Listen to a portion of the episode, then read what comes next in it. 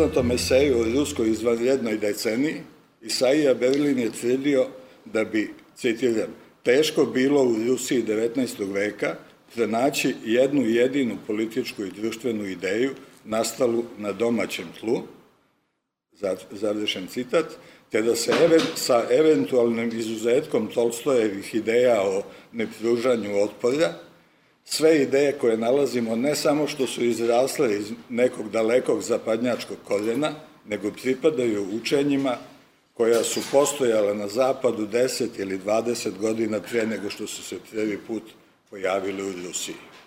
Završen citat.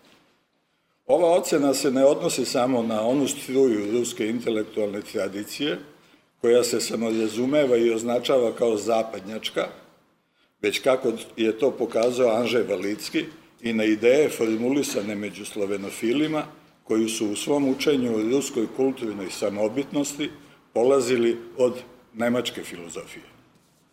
Međutim, posao istoričara ideja se ne završava identifikacijom i interpretacijom porekla, difuzije i usvajanja socijalnih i političkih ideja, već tu tre tek počinje.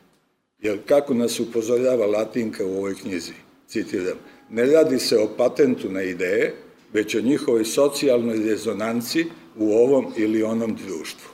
Završen citat.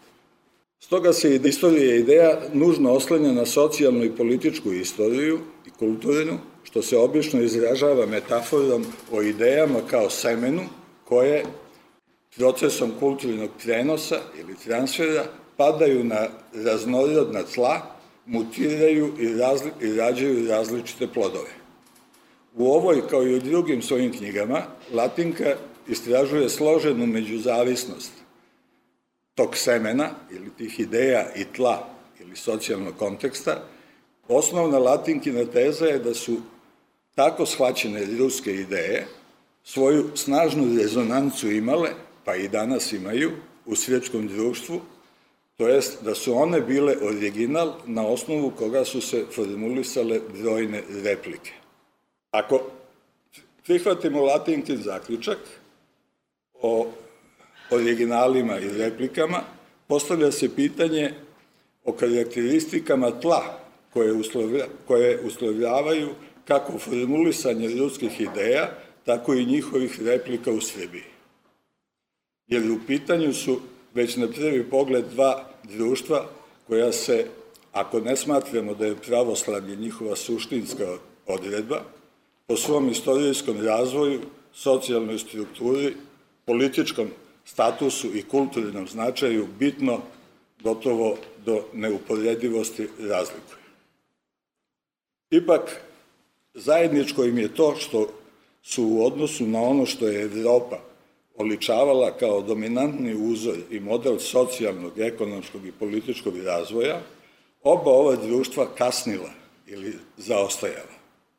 Sa ovim zaostajanjem ruska inteligencija se mirila mnogo teže nego srpsko agrarno društvo, o čemu svedoče reakcije na filozofsko, poznato filozofsko pismo Čadajeva, u kome je on zaključio da Rusija, upreko s ogromnoj teritoriji i vojnoj moći, kako on kaže, stoji van vremena, to jest po strani od glavnog toka svetsko-istorijskog razvoja čovečanstva. Proglašen ludakom, on je samo nekoliko godina kasnije u svojoj apologiji izveo zaključak da je upravo takav položaj Rusije zalog njene sjajne budućnosti i buduće svetsko-istorijske misije.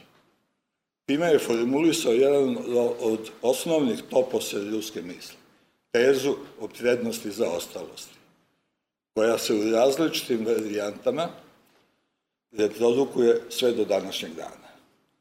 Tu tezu su i njegovi savremenici, slovenofili, zasnivali na filozofsko-teološkom učenju o pravoslavlju kao istinskom hrišćanstvu i iz njega izvedenom skupu socijalnih vrednosti, dok je njima suprostavljeni glavni tok zapadnjaštva, kojim se Latinka bavi u ovoj knjizi, u institucijama opštine, kolektivnog vlasništva i običaja naroda, identifikovao osnovu za mogućnost jednog nekapitalističkog puta razvoja i prečicu u ostvarenju ideala preuzetih iz najnovije, kako se to govorilo tada, zapadne nauke. U sve razlike u načinima osmišljavanja teorije skokova u društvenom i istorijskom razvoju, ovo stanovište je zaostalost od nedostatka pretvaralo u prednost na osnovu koje se izvodilo uverenje o posebnoj opšte ljudskoj misiji Rusije u svetskoj istoriji. Usmeravajući svoj pogled prema Rusiji, srpske idejne replike delile su tezu o prednosti zaostalosti ideje o posebnom putu, Zondervegu, dok je pomenuti mesijanski element bio kod njih u drugom planu ili se, kao u slučaju komunističkog pokreta, vezivao za prihvatanje vodeće uloge prevezene socijalizma. Uprkos tome, mislim da u dve istorijske situacije možemo uočiti svojevrsni dijalektički obret u odnosu ruskih ideja i srpskih replika. Obe ove situacije su vezane za noviju istoriju, tačnije za epohu socijalizma. Prva se tiče raskida sa Stalinom, posle koga je, nezavisno od njegovih uzroka i povoda, jugoslovenski, pa stoga i srpski socijalizam, bio primoran da se legitimiše kao original, a ne više kao puka replika sovjetskog sistema. Udaljavanje od sovjetskog uzora imalo je emancipatorijski potencijal i otvaralo mogućnosti za inovacije koje su podhranjivale uverenje o posebnosti, progresivnosti i superiornosti samoupravnog sistema u odnosu na sovjetski socijalizam i druge zemlje socijalističkog lagera. Međutim, granice projektovanih reformi su bile često upisane u samu prirodu socijalističkog sistema, koji je, kako to pokazuje Latinka početkom 70. godina, zatvorio krug vraćanjem na istina meku i liberalniju verziju početnog sovjetskog uzorja. Dok se ovaj prvi slučaj obreta u odnosu ruskih ideja i srpskih replika ticao statusa Jugoslavije u ostvarenju istinskog socijalizma, drugi je vezan za njegov slom, tokom koga su srpski socijalisti, razočarani politikom Rusije, sebe videli kao avangardu borbe protiv takozvanog novog svetskog poredka, u kojoj oni, za razliku od ruskog tadašnjeg rukovodstva, ne pristaju na mirni raspad federacije po postojećim granicama. Nimalo slučajno, tadašnja ruska, ruska opozicija i značajan deo javnosti su upravo Srbiju isticali kao uzor koji treba slediti, dok je ovdašnje rukovodstvo živelo u iščekivanju da će se Rusija, kako se to kaže, dići sa kolena. Otuda podrška koju povodom rata u Ukrajini danas u Srbiji uživa Putin, tu podršku možemo u velikoj meri tumačiti, po mom mišljenju, kao plot težnje za naknadnom potredom ispravnosti sobstvenog takozvanog srpskog stanovišta, formulisanog 90. godina. Makoliko je rašireno, to stanovište prati svest da je za razliku od 90. godina ono danas izgubilo nekadašnji status originala, te da je iznova svedeno na repliku ideje takozvanog ruskog sveta. To mu u krajnjoj liniji ne smeta, jer se potpuno uklapa u zatečeni tradicionalni obrazac koji je detaljno opisan i analiziran u latinkinoj knjizi.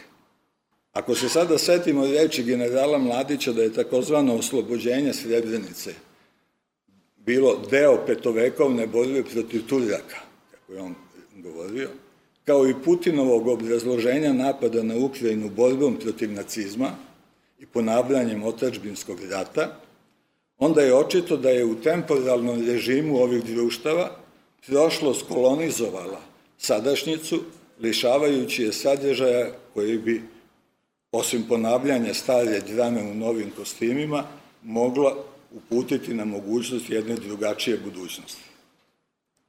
Za ilustraciju te teze navešću latinkin opis zasedanja Srpske skupštine iz 1899. godine, koji posle 120 godina možemo čitati kao novinski izveštaj od pre mesec, dva dana. Citiram. Na sve primetbe opozicijalnih poslanika, poslanici vladajuće partije odgovarali su podsjećanjem na govorenje i činjenje njihove partije dok je bila na vlasti. U isto vreme nisu podnosili, najljočito Nikola Pašić, kada im je opozicija govorila da sada, kada su oni na vlasti, čine sve ono protiv čega su se kao opozicionari borili. To je skupštinskoj raspravi davalo karakter partijskog obračuna i političke osvete. Upravo tako iščezavao je pojam opšteg dobra. Većina zakonskih predloga prolazila je uz pitanje predsednika prima li Skupština i horijski odgovor radikalske većine prima. Rešiocima dužnosti predsednika i podpredsednika Skupštine priznavana je fakultetska sprema i kad je stvarno nisu imali. Zadešen citat.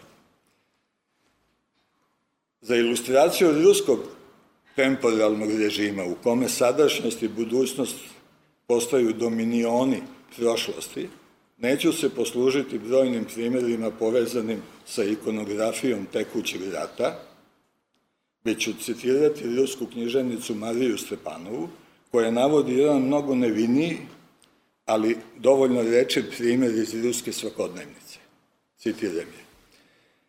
Kada vlasnik automobila iz Moskve na svom automobilu napiše na Berlin, on aktivno briše granicu između sebe i svog dede, pobednika, njegovo svakodnevno kretanje po gradu, na posao u trgovinu u vikendicu, postaje pobedničko kretanje kroz osvojenu Evropu, on kao da je svoj vlastiti deda, vojnik, osloboditelj, bronzani spomenik, a da ništa u to nije uložio osim kantice boje. Neka osnovna nit koju i sama Latinka Perović e, izdvaja u ovoj knjizi, glasila bi otprilike da je Svetozar Marković dete evropskog socijalizma, da on pripada evropskim tokovima socijalizma i da pokret koji je nastao iz njegovih ideja, dakle pokret radikalizma, narodne radikalne stranke i njenog vođe Nikole Pašića, samim tim nastavlja taj zapadno evropski put i stvara ono što je u srpskoj historiografiji imalo poseban značaj i što se nazivalo zlatno doba srpske demokratije od 903. do 914. godine.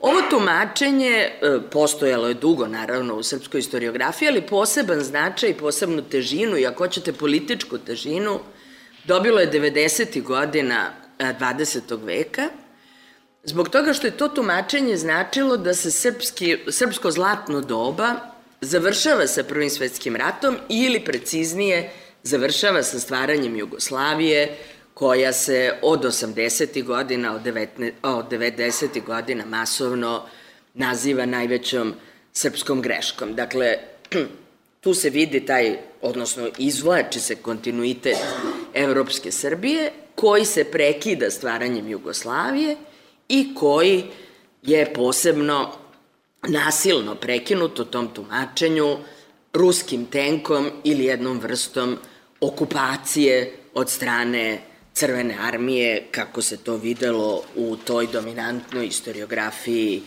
e, pre dela Latinke Peravić.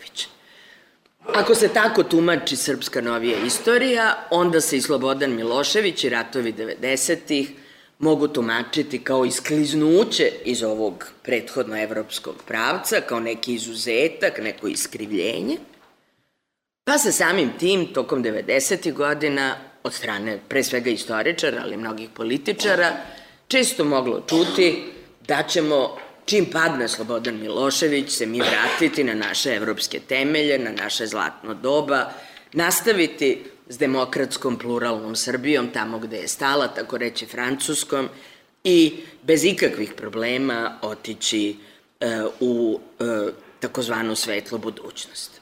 To je bio temelj jednog vrlo nacionalističkog, vrlo antijugoslovenskog tumačenja e, prošlosti e, Srbije i potonje Jugoslavije, ali je Latinka Perović od svojih prvih radova posvećenih srpskim socijalistima sistematično i kao što smo čuli u stalno objavljivanje istorijskih izvora počela iz temelja da menja ovakvo viđenje srpske novije istorije i da pre svega kroz analizu ruskih ideja i ruskih uzora pokazuje neke sasvim drugčije korene ideologija koje su dominirale novijom istorijom Srbije.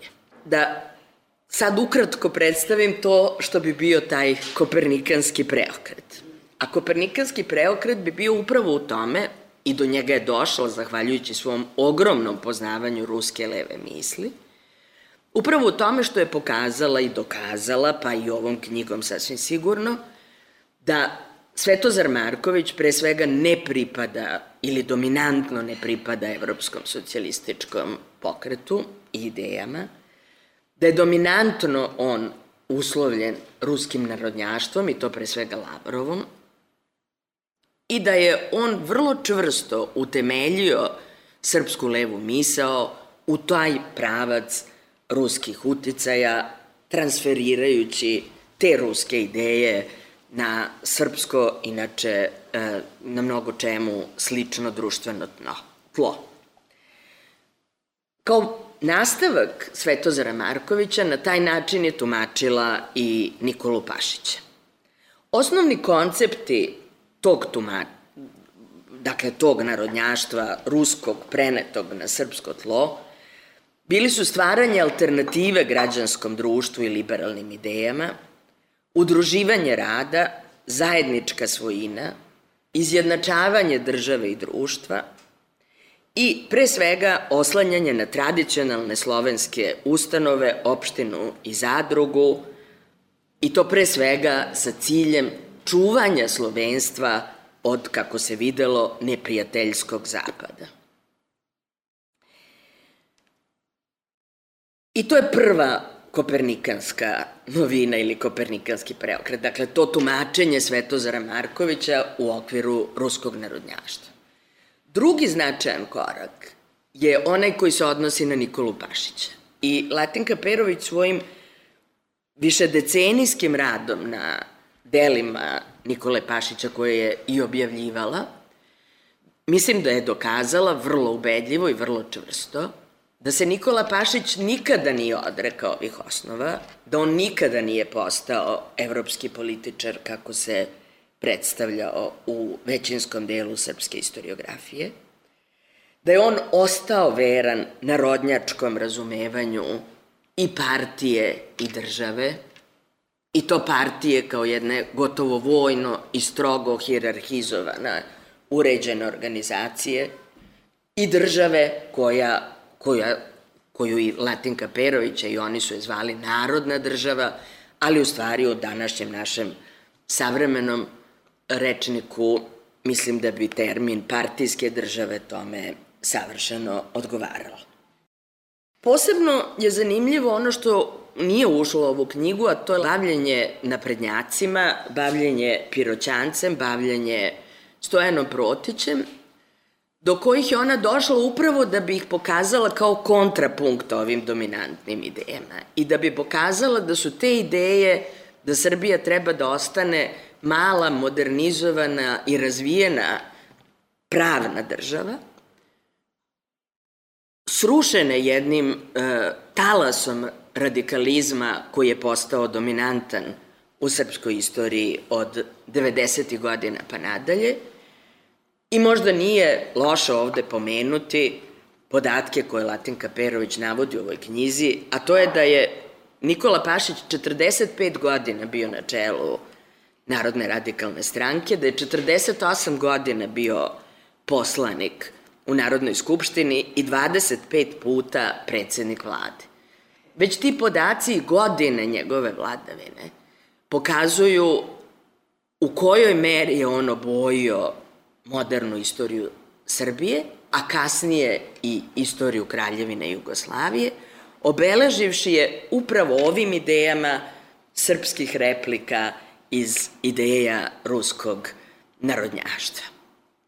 Latinka Perović isto tako ubedljivo dokazuje da je i to zlatno doba, takozvano, bilo u potpunosti u kontinuitetu sa svim onim vezama sa ruskim idejama i ruskim e, izvorima, da Srbija nije tada postala moderna parlamentarna demokratska država, da ona nije ostvarila podelu vlasti, da institucije, bez obzira što su Ustavu postojale, nikada nisu vršile svoju funkciju, da vladavina prava nikada nije ostvarena i da je još jedan od kontinuiteta koji obeležava ovu višedecenijsku istoriju da je ostala obsesija ostvarenja zavetne misli, oslobođenja Kosova i ono što se zvalo oslobođenja i ujedinjenja srpstva. Pa samim tim i Slobodan Milošević i ratovi 90-ih stoje sasvim utemeljeni u onim obsesijama nacionalizma do kojih je došao već i sam Svetozar Marković na neki način, ali pre svega, naravno, centralni junak dela Latinke Perovića, to je Nikola Pašić. Latinka Perović u svom delu bavila i najnovijim periodima, pre svega, kao što smo čuli, Zoranom Đinđićem, njegovim delom, ali i njegovim krajem, koji nas takođe opominje da se vratimo duboko u 19. vek, da se vratimo na ovo o čemu smo ovde govorili i da to ubistvo premijera jednu u nizu političkih, izraza političkih terora stavimo takođe, ako ne direktno u taj kontinuitet, ali da ga preispitamo e, kroz taj kontinuitet i kroz neka od ključnih pitanja koje ona pokreće, kao što mislim da ova knjiga na isti način osvetljava i današnju poziciju Srbije i današnja preispitivanja, e, dileme, ako ih uopšte ima, i ponovo neku vrstu slepog puta na kome se ona danas nalazi. Ova knjiga je došla u suštini na inicijativu dvoje mojih kolega. Jedan je pokojni ruski istoričar Andrej Šemjakin, sa kojim sam ja mnogo sarađivala i koji je napisao predgovor za ovu knjigu, to je u stvari poslednje što je on za života uradio. On mi je stalno govorio, mi, ruski istoričari, smo uradili ono što je bilo do nas. To jest, pokazali smo svojim istraživanjima Šta je odavde išlo prema jednoj zemlji kakva je bila Srbija u 19. veku? 19. veku. Od vas smo dobili recepciju toga što je iz Rusije odlazilo u Srbiju i smatrao je potrebnim da se to zaokruži.